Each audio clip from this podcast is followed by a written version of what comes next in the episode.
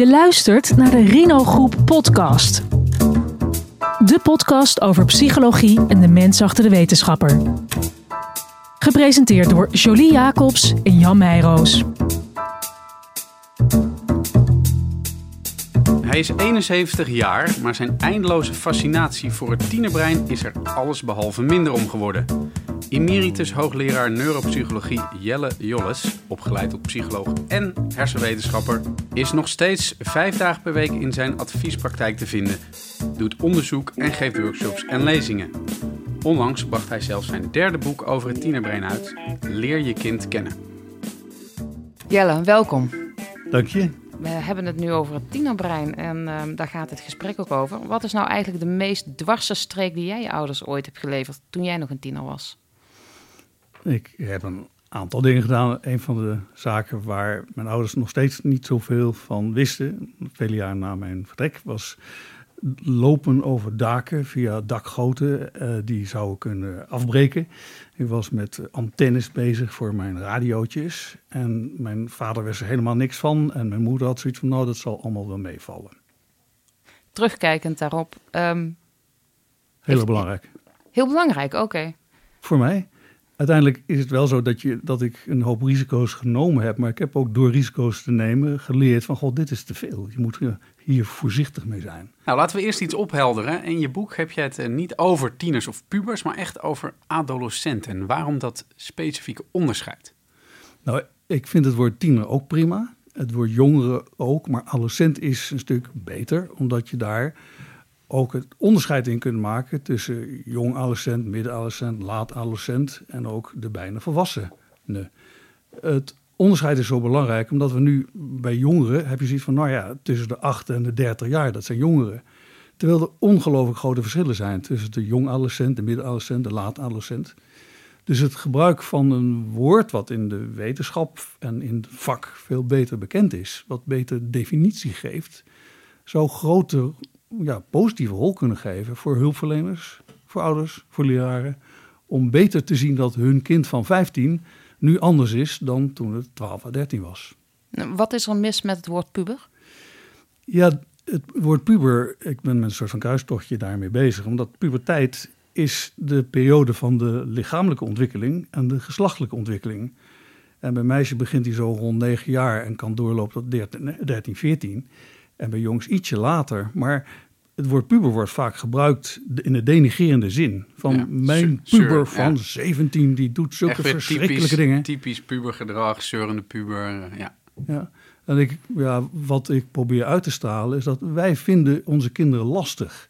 Maar het is een groot verschil tussen het kind lastig vinden en het feit dat het kind lastig is. Hij is gewoon nog in ontwikkeling. Maar goed, in, jou, in jouw boek gaat het dus over uh, jongvolwassenen tot 25 jaar?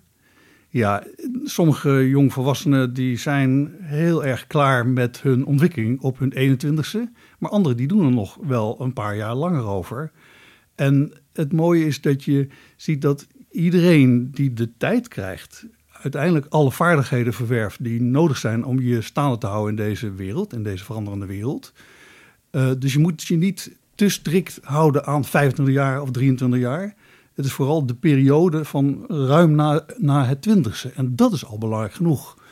Omdat er heel veel mensen denken, ja, mijn zoon is toch 18 en ik kan hem nu loslaten, want hij is helemaal klaar. Hij kan stemmen, hij kan gewoon trouwen.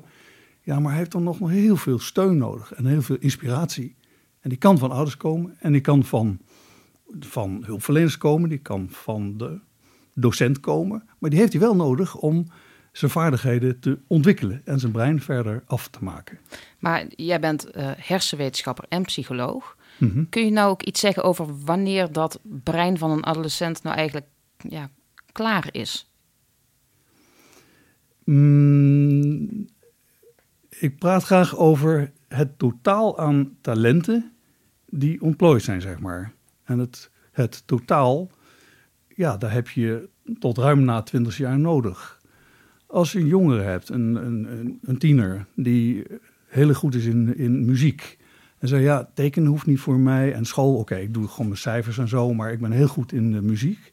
Die maakt een wat smallere ontwikkeling door. Dan kun je best wel op je 17e, 18e echt uh, op de wereldpodia gaan optreden, zeg maar. Hetzelfde geldt voor sporters. Maar mensen die zo'n wat smallere ontwikkeling hebben gehad, die kunnen heel goed zijn uiteindelijk daarin. Maar als iets misgaat, dan hebben ze weinig anders op om op terug te vallen. Dus ik praat graag over vier richtingen, dimensies waarin je ontwikkelt. De fysieke dimensie, cognitief, sociaal en emotioneel. Die vier samen, die worden mogelijk gemaakt door al die hersenfuncties. En je kunt je heel goed in de cognitieve ontwikkeling ja, uitontwikkelen en in de andere wat minder goed zijn. Maar nogmaals, dat geeft dan een gevaar. Je kunt cognitief heel goed zijn met een IQ van 130, maar mm, sociaal, uh, sociaal armlastig. Ja, inderdaad. En dus daarom dat wat breder ontwikkelen is belangrijk. Jouw vraag is dus eigenlijk van wanneer ben je klaar? Dus optimaal is als je voldoende van al die vier domeinen ontwikkeld hebt. Sociaal, emotioneel, cognitief en, en fysiek. Als je dat nou, als je nou een um, adolescent uh, in een MRI zou leggen, zou je dat dan kunnen zien? Nee, je ziet alleen uh, structuren die zich ontwikkelen. Ja, mm -hmm. Echt heel veel onderzoek, zeker de laatste 15 jaar, naar uh, wat er gebeurt tussen je 15 en de 17, tussen je 17 en 19, 20 tot 22. Dan zie je dus dat er hè, 15 jaar geleden voor het eerst echt duidelijk laten zien, dus dat ook jongeren van 20 tot 22 jaar, dat er hersenstructuren veranderen. Dat die in omvang toenemen en ook dat de activiteit van die hersenstructuren verandert. Dus wat je in de hersenen kunt zien is dat structuren veranderen. En dat betekent dan ook dat die functie nog zich ontwikkelt. Via ander onderzoek weten we nu dat functie is bijvoorbeeld uh, de consequenties zien van de activiteit die ik nu doe. Wat heeft dat voor implicatie voor mezelf een jaar later? Maar ook wat heeft het voor emotionele consequentie voor mijn vriendin? Of wat, wat betekent dat voor de manier waarop een, een leraar tegen me optreedt? Of een baas, een leidinggevende. Dus die complexer ja, vooruitzien naar de consequenties, mm -hmm. dat ontwikkelt zich pas echt heel erg laat. Zo rond je 18e, 20e, 2, 25e. Maak ik mezelf duidelijk? Ja, ja heel duidelijk. Ik, ik vraag me dan meteen af van hoe verhoudt dat nou zich tot iemands hè, de, uh, gedrag, zeg maar, tot iemands leeftijd? Want uh, je gaf net zelf aan, nou ja, to, toen ik tiener was, liep ik over uh, daken en dakgoten. Wist jij op dat moment wat de risico's waren, hoe gevaarlijk nee. het echt was? Nee, en dat is ook, ook het, hetgeen heel veel tieners kenmerkt. Die zijn niet gericht op risico's, die zijn gericht op nieuwigheid. Die willen gewoon nieuwe dingen ervaren. En dat vader en moeder zeggen dat dit gevaarlijk is, dat is een platte mededeling voor ze. Pas wanneer je het ervaren hebt, dan zie je dat dit gevaarlijk is. Ja. Bij mij was het gewoon in die periode, in de, nou, ik heb heel veel dingen gedaan waarbij ik later dacht van, ja, misschien moet ik dat toch maar, maar niet doen. Ik was met uh, scheikundige proefjes bezig op mijn kamer als 16-jarige. En ik was toch bezig met een stofje te maken, wat ik ergens in een of ander uh, boek had gevonden in de bi bibliotheek. En dat stofje, dat kennen wij nu als uh, trinitroglycerine. Zo. Oftewel dynamiet.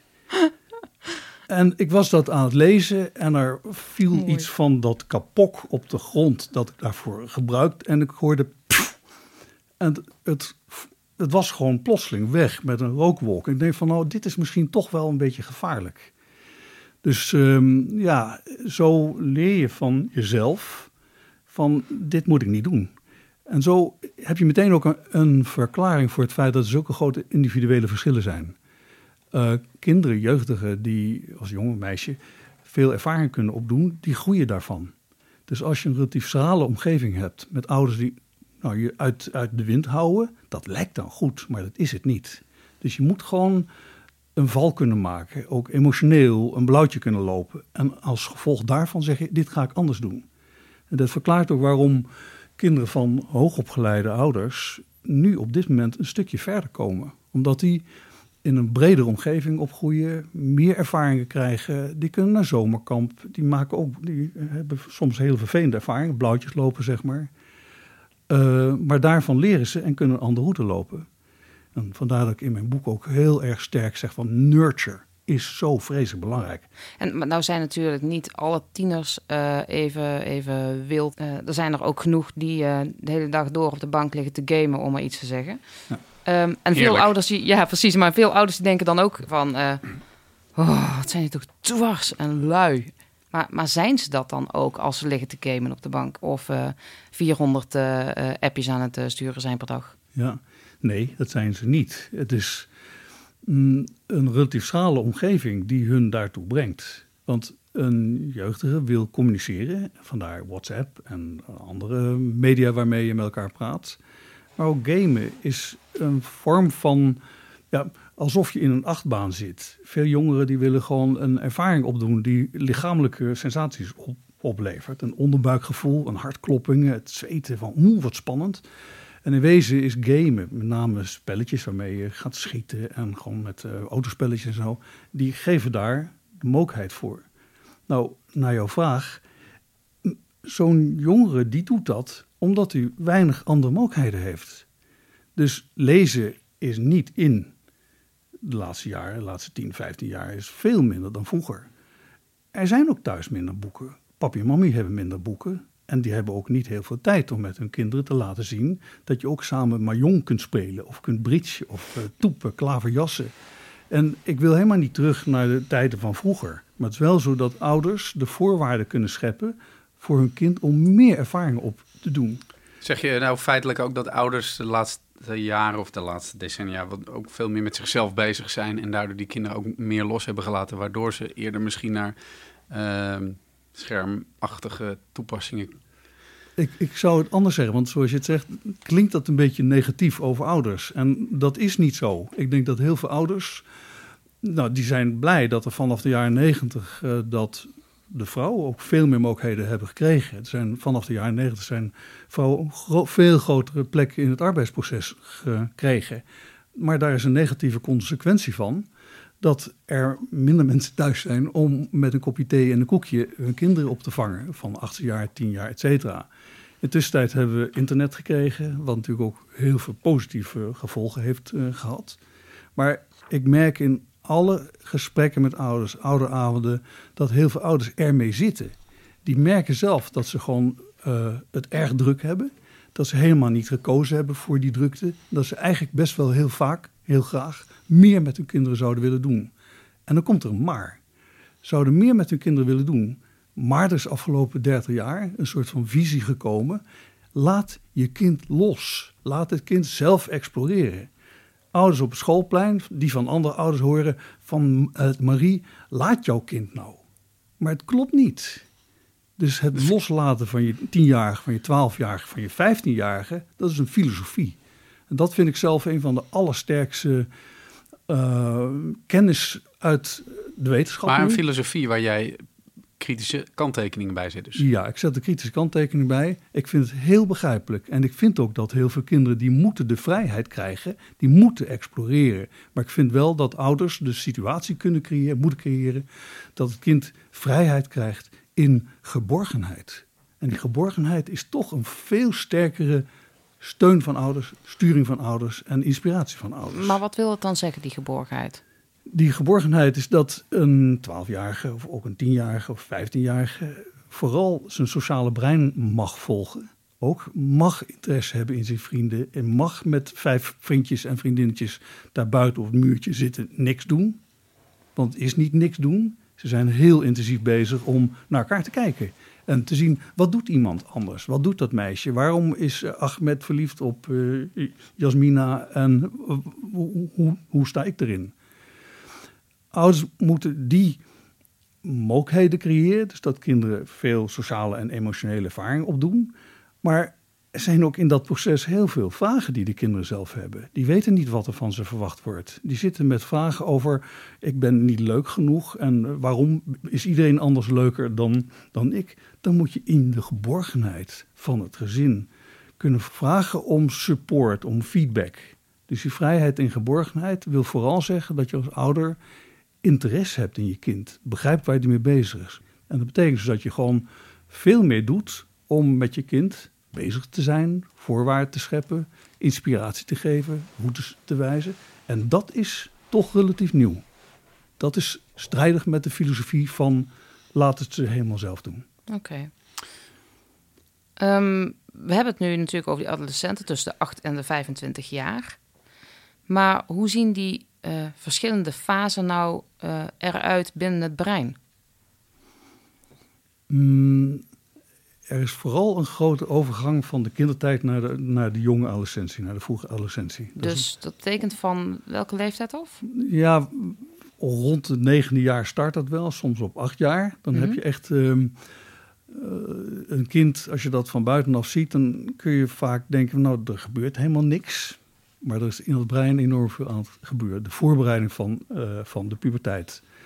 Eigenlijk is dat ook relatief kort geleden pas bekend geworden dat er dan een nieuwe groeispeurt is in het brein. Wat gebeurt, probeer het voor te zien, hè? wat gebeurt er? Dan zijn er uh, hersennetwerken die eigenlijk er liggen. Vergelijk het met een wegennet. Dus je hebt banen die er zijn vanaf de jeugd, van de vroege kindertijd, maar die worden eigenlijk heel sterk uitgebreid. Dus netwerken daar komen nieuwe netwerken overheen, die eigenlijk ervoor zorgen dat prikkels veel sneller van de ene kant van het brein naar het andere kunnen gaan. En dat er gewoon niet drie centra met elkaar verbonden worden, maar dertig. Dus dat betekent in die periode van 9 tot 12 jaar, dat is ook relatief nieuwe wetenschappelijke kennis, gebeurt er hetzelfde als in de vroege jeugd. Dan heb je ook een grote groei van die netwerken. En dan worden heel veel verkeerde verbindingen of de niet gebruikte verdwijnen, waardoor er meer plek komt voor die grote hersensnelwegen, zeg maar. En, en is er dan nog een verschil in uh, het brein tussen de jongens en, en, en, meisjes? En, en hoe verklaart de wetenschap dat? Er zijn twee kanten. Er is in ieder geval een verschil in de stuurprogramma's. En die zijn er al voor de geboorte. En die stuurprogramma's die zijn relatief globaal. Maar die eh, geven bijvoorbeeld het jongetje een soort van sturing voor het ontwikkelen van zijn spieren. En het ontwikkelen van zijn botten. Want botten moet sterk zijn omdat daar sterke spieren aan moeten zitten. En de coördinatie. Dat is de grote reden waarom jongens meer rennen, ravotten en uitproberen. Meisjes die hebben een ietsje ander stuurprogramma. Die kunnen ook een topsporter worden en een top uh, zevenkamper of wat dan ook. Maar het gaat ietsje later, zeg maar. Dat is één. Het tweede is dat het natuurlijk een hele belangrijke sociale en culturele factor is. Dus wanneer je vanaf de geboorte aan meisjes zegt van hier heb je een popje. En je gaat aan jongetje zeggen, nee popjes dat is niet voor jongetjes, dat is voor meisjes. Hier heb je Lego, ga maar eens moois bouwen. Of je gaat met vroom, vroom, vroom met auto's rijden. Dat hoort, de wijze waarop wij met kinderen omgaan is sterk bepalend voor de ervaringen die ze krijgen. Dus op de, dat, zeg maar van jongs af aan sturen ouders al onbewust? Niet allemaal. Er is natuurlijk heel veel gedoe rond de vraag: jongens en meisjes zijn ze nou hetzelfde? En vrouwen kunnen terecht zeggen: ja, wij zijn honderden, duizenden, tienduizenden jaren achtergesteld en we willen gewoon ook de plek hebben die mannen hebben. En terecht. Dat neemt niet weg dat je XX en XY hebt. Dus dat er wel degelijk wat verschillen zijn. En in de, in de discussie hierover wordt dat soms even vergeten. Uh, en dan haal je twee, twee verschillende argumenten over elkaar. Dus ik vind dat meisjes en jongens in al hun talenten zich moeten kunnen ontplooien. En dan zal blijken dat een grootste deel van die talenten identiek zijn. Een mooi voorbeeld daarvan is uh, uh, bijna alle jongens die zijn wat traag in de taalontwikkeling. Vanaf heel vroeg in de jeugd, vanaf de babytijd al. Vanaf een week, twee, drie weken na de geboorte zie je al dat er verschillen zijn. En die kunnen accentueren als je jongens minder talig laat ontwikkelen en meisjes daarin stimuleert. Maar er zijn heel veel mannen die zo rond hun 22e, 25e, 30 jaar uitstekend kunnen praten. Uitstekend zijn, je ziet de discussie in de Tweede Kamer of waar dan ook in de politiek, geen onderscheid. Nee.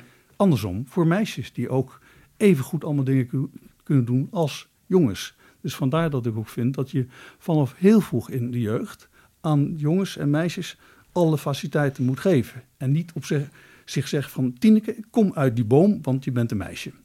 Maar welke rollen kunnen ouders volgens de wetenschap nou zich, zichzelf aanmeten voor een optimale persoonlijke groei misschien van hun kind? Ja. Steun geven, emotionele steun. Mhm. Ook op het moment dat ze zoiets hebben, ja, mijn kind heeft gewoon stomme dingen gedaan. Eigenlijk zou ik nu moeten zeggen, je bent stom. Maar geef feedback in de vorm van emotionele steun. Ik ben er voor je en ik begrijp dat je sommige dingen niet zo handig doet. Het tweede is eh, inspiratie geven, routes wijzen, mogelijkheden, voorwaarden scheppen. Uh, ook al heb je niet zoveel geld. Um, uh, mensen die wat meer mogelijkheden hebben, die kunnen hun kind naar zomerkamp sturen. Anderen lukt dat wat minder. Dan nog kun je zorgen dat je kind op een sport gaat. Dat het gewoon in de zomer veel activiteiten ontplooit waar het ervaringen mee krijgt. En vooral ook openstaan voor het feit dat een kind sociale omgeving nodig heeft. Dus vriendjes, vriendinnetjes. Het derde is toch sturen. Dus sturen wil gewoon zeggen, routes wijzen en feedback geven op waarom denk je dat dit mis is gegaan, Tom? Ja, weet ik allemaal niet. Uh, dus dat je gewoon ook mogelijkheden aan je kind geeft, waardoor het gewoon jouw woorden kan gebruiken om feedback op zichzelf te krijgen. Ja. En je zei net ook, uh, laat ze dus ook met anderen omgaan, daar leren ze van. Ze zeggen wel eens, it takes a village to raise a child. Maar is dat de beste manier om al die verschillende aspecten aan te leren? Door zoveel mogelijk mensen daarbij te betrekken. Eh, het gezin is toch wel een hoeksteen. Dus gewoon hechting in de vroege jaren, dat is het gezin.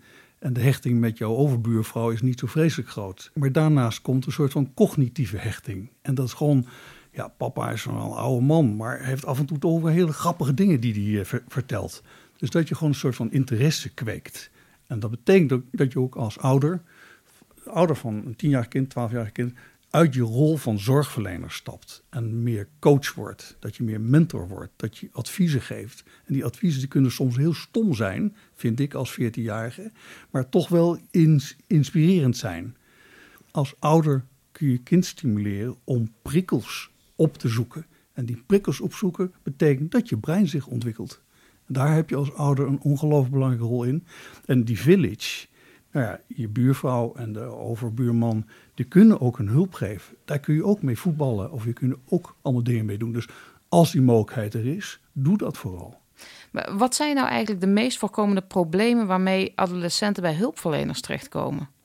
Ja, dat zijn er nogal wat. Angst en depressie komen behoorlijk vaak voor. En depressie is dan niet een major depression, maar gewoon wel gedeprimeerdheid.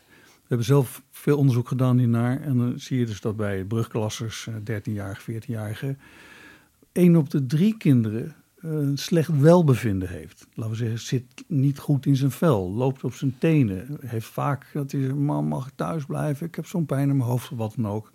Dus het niet weten wat er van je verwacht wordt, welke richting uit, waar is het allemaal voor? Dan krijg je een paar jaar later ook toch van ja, ja waar is het leven voor? Het is gewoon ook weer in, de, in het domein van de angst, depressie. Waar komt dat uit voort? De wereld is ingewikkelder dan wij ons voorstellen. Jij en ik hebben al heel wat ervaring met hoe de wereld eruit ziet. En wij denken dat kinderen dat dat ook hebben. Want die lezen op boeken en die horen. Dat is niet zo. De kinderen zijn in heel andere dingen geïnteresseerd. Daar is nou net die hele adolescentie voor.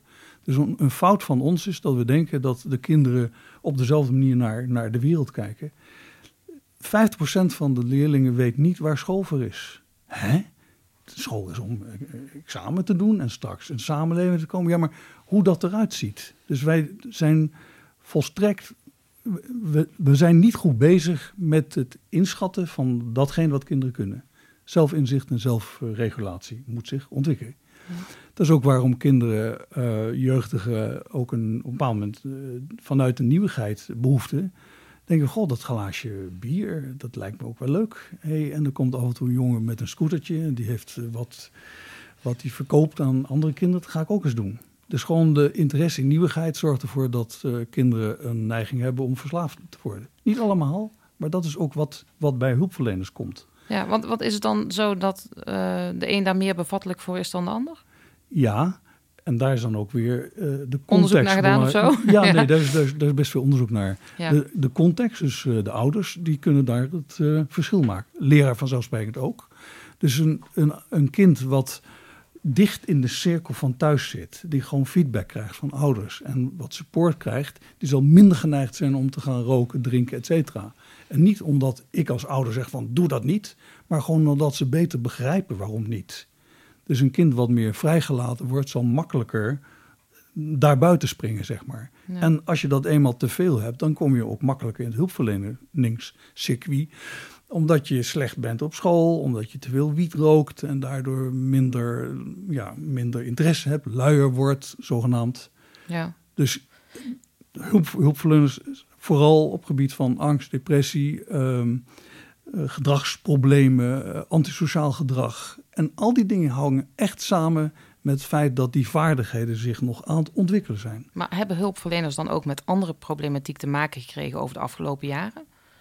Het is wel, wel, wel veranderd. Dus ook uh, gameverslaving, dat is natuurlijk in de afgelopen 20, 30 jaar veel en veel meer geworden. En er zijn sommige dingen die ook bij eerdere generaties tieners zo waren. Dus angst, depressie, angst, gedeprimeerdheid, die waren er vroeger ook. Ja. En de aantallen die zijn niet eens zoveel verschillend. En, en wat kunnen hulpverleners dan wat uh, ouders niet kunnen? Uh, ouders eh, zitten vaak nog in de modus van manager, van zorgverlener. En die moeten leren dat ze kunnen coachen en dat ze ook mentor zijn. En als de verstandhouding met hun kind nou niet zo vreselijk best meer is, en omdat hun, hun, hun tiener hun boos over de ontbijttafel aankijkt en boos aan de dinertafel, ja, dan is de, de verstandhouding al zo slecht. Dan is een hulpverlener belangrijk om als het ware dat voor deel over te nemen. En ook te zorgen dat het kind meer zicht krijgt op hun ouders en het belang. Waarschijnlijk ook omdat uh, het kind misschien op dat, in die fase meer aanneemt van een relatieve eh, buitenstaander dan uh, zijn eigen vader en moeder. Ja, dat is zo. Uh, de ouders die zijn ongelooflijk saai voor een kind. Ook al hebben ze een heel interessante job, et cetera. Dus vandaar, een kind moet zich een deel van de ouders afkeren, omdat het in de identiteitsontwikkeling hoort. Die ouders die hun kind daarin een stukje steun geven, hè, vrijheid in geborgenheid, die hebben het makkelijker. Die kinderen die blijven dichterbij.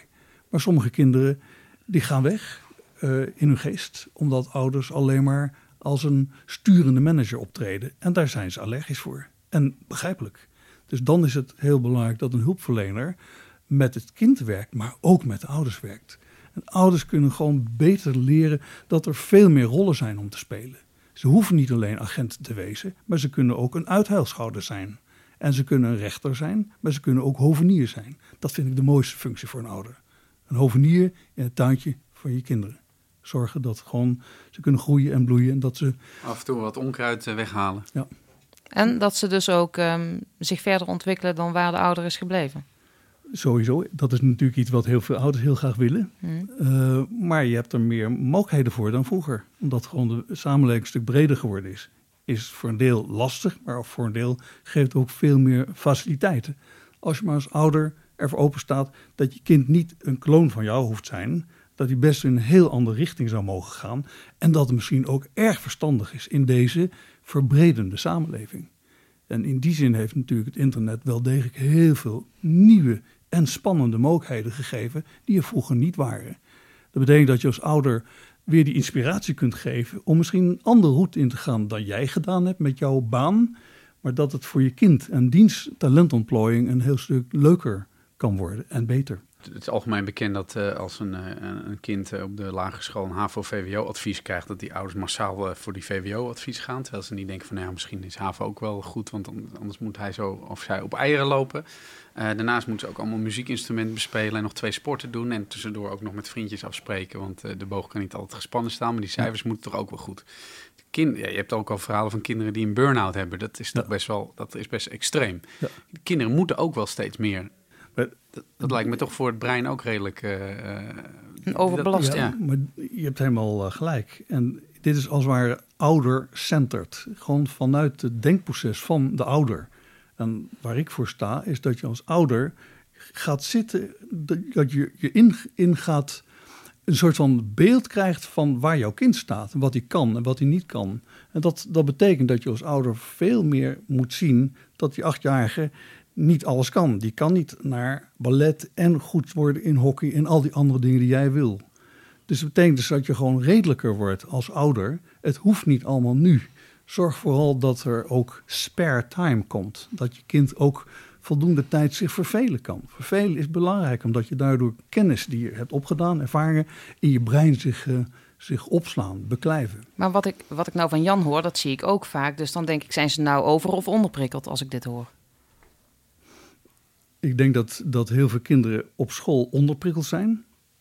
Gek genoeg. Die hebben gewoon heel veel taken waarvan ze helemaal niet weten waarvoor het gaat. Waarom ze cijfers moeten halen voor een school en uh, voor Duits of voor wiskunde, wat ze helemaal niet belangrijk vinden. Mm Daarom gaan ze an andere dingen doen. Ze staan niet open voor datgene wat op school gebeurt, omdat ze met andere dingen bezig zijn. Daarom worden ze onderprikkeld in de cognitieve zin.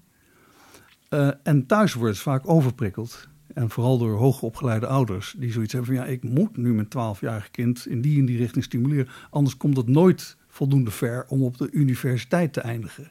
En mijn stelling is: zorg vooral voor een brede ontwikkeling. En die, al die extra's, dat komt wel. Dat hoeft niet voor een 12-jarige. Dat kan best op een 15-jarige.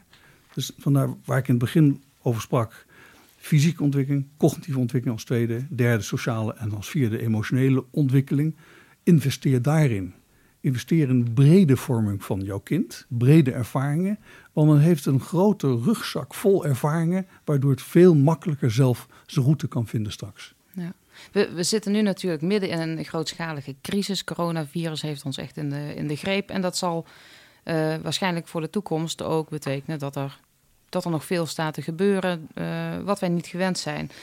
Is het nou zo dat een deel van de ontwikkeling van die adolescenten stil is komen te liggen omdat ze thuis moesten blijven? Ja.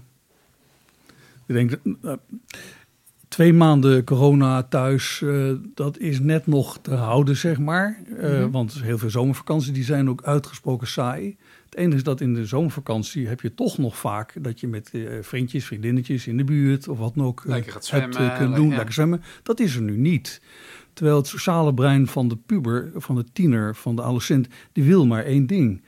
Uh, nieuwe ervaringen, nieuwe kennis, nieuwe gebeurtenissen. Maar er was toch, waren heel veel uh, uh, kinderen die ook gewoon via Teams toch gewoon met de camera's en wel redelijk goed in contact bleven met, met hun mede-klasgenoten. Nou, redelijk goed, dat is dan niet meer dan dat. Die matig in contact kwamen met hun klasgenoten. Ja. Het is inderdaad die, die vierdimensionale ervaring. Ook als je. Ja, elkaar... het, kan, het kan het ook. Het kan het de, de real thing natuurlijk nooit vervangen. Nee. nee. Het is een soort van uh, proxy, een benadering. Want ook daar is echt heel veel ervaring, wetenschappelijke ervaring over. Dat als je naar school gaat, oké, okay, je gaat naar die klas en na 15 minuten naar een andere klas. Maar je loopt met je vriendinnen over de gang, raakt elkaar aan, ja. uh, duwt in iemand anders van, van de trap af als een geintje. Ja. Uh, dus dat fysieke contact. Al dat soort dingen die zijn gigantisch belangrijk voor de, voor de ontwikkeling van jouw brein. Ja. Een woord wat we nog niet hebben genoemd, dat is empathie. Heel belangrijk. Het komt uit gedragswetenschap, uit de psychologie. En dat is heel belangrijk voor begrijpen wat er met kinderen gebeurt. Die hebben 10, 12, 15 jaar nodig om veel empathie te ontwikkelen.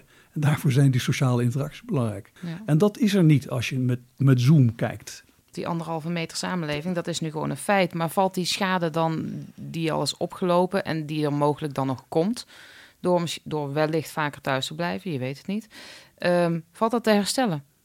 Mm, ik denk dat vooral, ik ga het iets anders beantwoorden. We zijn ontzettend blij dat in de laatste weken dat gewoon de overheid mm -hmm. geluisterd heeft naar ontzettend veel bezwaren die gekomen zijn. Bezwaren van wetenschappers, daar hoor ik ook bij, maar ook van de heel ervaren scholen en ouders. Dus de lockdown is, zoals we allemaal weten, nu over. En gelukkig maar. Dus de hoeveelheid maanden dat dit geduurd heeft voor kinderen is net nog overzienbaar. Ja. Ja. Voor de meeste kinderen. Niet zo goed voor de kinderen die in uh, kansarme hoek zitten, zeg maar. Die zullen een achterstand hebben. En dat is te voorkomen, dat is de vraag die je net stelde. Door leraren, ook liefst door ouders. Maar ik denk dat school en leer ongelooflijk belangrijk zijn dadelijk om een situatie te creëren dat ze hun achterstand weer kunnen bijwerken. En dus dat betekent dat scholen niet alleen moeten denken aan van goh, we zijn zo en zo achter met rekenen, met wiskunde of met, met, Duits. Maar dat ze vooral erkennen dat de kinderen achter zijn in de sociaal-emotionele ontwikkeling. Vind je ook dat uh, in het in de debat over corona dat dit aspect eigenlijk een beetje onderbelicht is gebleven? Het is onderbelicht gebleven, zeker in de eerste twee, drie maanden tot begin juni. Ik denk zelf, uh, toen was het eerst, waar de, waar, kwamen de haarscheurtjes in, het, in die totale lockdown en terecht. En ik vind het ook heel, heel goed dat dat nu weer aan de orde gekomen is. Dat er nu over gesproken wordt. En dat er gewoon de maatregelen nu worden bijgewerkt. Maar ik kan me best wel van de overheid indenken dat ze in eerste instantie de nadruk op gewoon het, het gezondheidszorgrisico hebben gelegd. Maar stel nou dat er toch weer een, een, tweede opleving komt. Heb je daar al over nagedacht? Die kinderen niet stilstaan in ontwikkeling? Mm, ik, ik, denk dat er nu al over nagedacht is. En ik denk ook, ik heb uh, niet gehoord over van, van het RIVM, maar ik weet wel dat daarover gesproken is. Dus ik verwacht dat er, ja, ik vind ook dat gedragswetenschappers een grote rol kunnen spelen in het maken van uh, beleid of voorstellen van hoe we dit moeten aanpakken. Ze mogen je bellen. Ah ja, ze mogen mij, mij bellen, maar er zijn veel, veel gedragswetenschappers in, in Nederland die hier verdomd veel van af weten en die ook een rol kunnen spelen. Ik vind zelf ook dat gedragswetenschappers meer mogen worden, moeten worden ingeschakeld om juist dit soort gevolgen te, uh, aan te passen. Terecht is er heel veel aandacht geweest voor epidemiologen, voor infectiologen en andere medici. En die moeten vooral doorgaan met hun werk en, en een richting geven aan hoe we met de gezondheid omgaan. Maar nu moet dat verbreed worden in de agogische zin. Dus hoe ouders daarmee om kunnen gaan, hoe ze uh, hun 15-jarige dochter, die om tien uur s'avonds uh, stiekem door het keukenraam naar buiten gaat om met hun vriendjes te gaan uh, chillen, hoe, wat ze kunnen bespreken. Wat, wat bespreek je eigenlijk? Ik vind dat zeker bij jonge adolescenten al, dat je interactief uit kunt leggen van waarom dit is. Als je nou jezelf nu stuk zou bijten op een wetenschappelijk onderzoek wat uh, gericht is zeg maar, op, uh, op corona en adolescenten, wat zou dat zijn? Wat zou nu eigenlijk zijn wat er primair onderzocht moet worden? Um, de wijze waarop wij met kinderen praten, waarop wij kennis overdragen, waarop we hun stimuleren, daar is nog zo, zo vreselijk weinig over. Dus omdat we onze kinderen, onze jeugd als een puber beschouwen, waarbij we echt moeten sturen, er is veel behoefte aan onderzoek wat laat zien van wat gebeurt als ik nu plagend met mijn 15-jarige over dit soort dingen heb. Waar ik een beetje, ik plaag hem en hij plaagt, plaagt mij. Kennisoverdracht, leren denken, leren argumenteren. Dus daar is wel heel veel circumstantial evidence over dat dat erg belangrijk is. Maar erg weinig echt gericht onderzoek. Dus weer de wijze waarop we als volwassenen met onze kinderen kunnen interageren, uh, omgaan. Dat zorgt ervoor dat, eh, denk ik, als het uit wetenschappelijk onderzoek komt, dat onze kinderen ook meer respect krijgen voor ons. Beter begrijpen van waarom we hun op het dak zitten. Waarom we in magister willen kijken om te zien of de cijfers wel goed zijn. Ja. En dat, tot slot nog, eh, wat is de grootste misvatting die er eigenlijk over adolescenten uh, leefde? En uh, is daar een, ook een wetenschappelijke studie geweest die die, die misvatting uh, heeft onderuit gehaald? Mm, ik ken niet onderzoek wat gericht een antwoord op je vraag geeft, maar er is wel ontzettend veel circumstantial evidence over zal uit kleitabletten uit Mesopotamië, het huidige Irak, is bekend. 4000 jaar geleden stond het al in die spijkerschrift. Van goh, onze jeugd die dient nergens voor, is lui en die wil niet leven. Hoe kon onze samenleving ooit verder komen? Zo, zo staat het letterlijk. Zo zijn er uit de Chinese oudheid en de Griekse oudheid en de Romeinse oudheid en uit de middeleeuwen zijn dit soortzelfde verhalen. Dus het ligt aan de adolescent. Het feit dat wij op een verkeerde manier naar onze adolescent kijken. Dus als je eenmaal ziet dat die in ontwikkeling is, dat je hebt de kindertijd, de adolescentie is een aparte periode. Het adolescentenbrein is anders dan het volwassenenbrein. Als we dat zien, dan kom je er wel. Jelle, dankjewel voor je komst. Dit was de Rino Groep podcast. Bedankt voor het luisteren en tot de volgende aflevering. Leuk dat je luisterde naar de Rino Groep podcast. Wil je meer informatie over de Rino Groep? Bekijk onze website rinogroep.nl. Tot de volgende aflevering.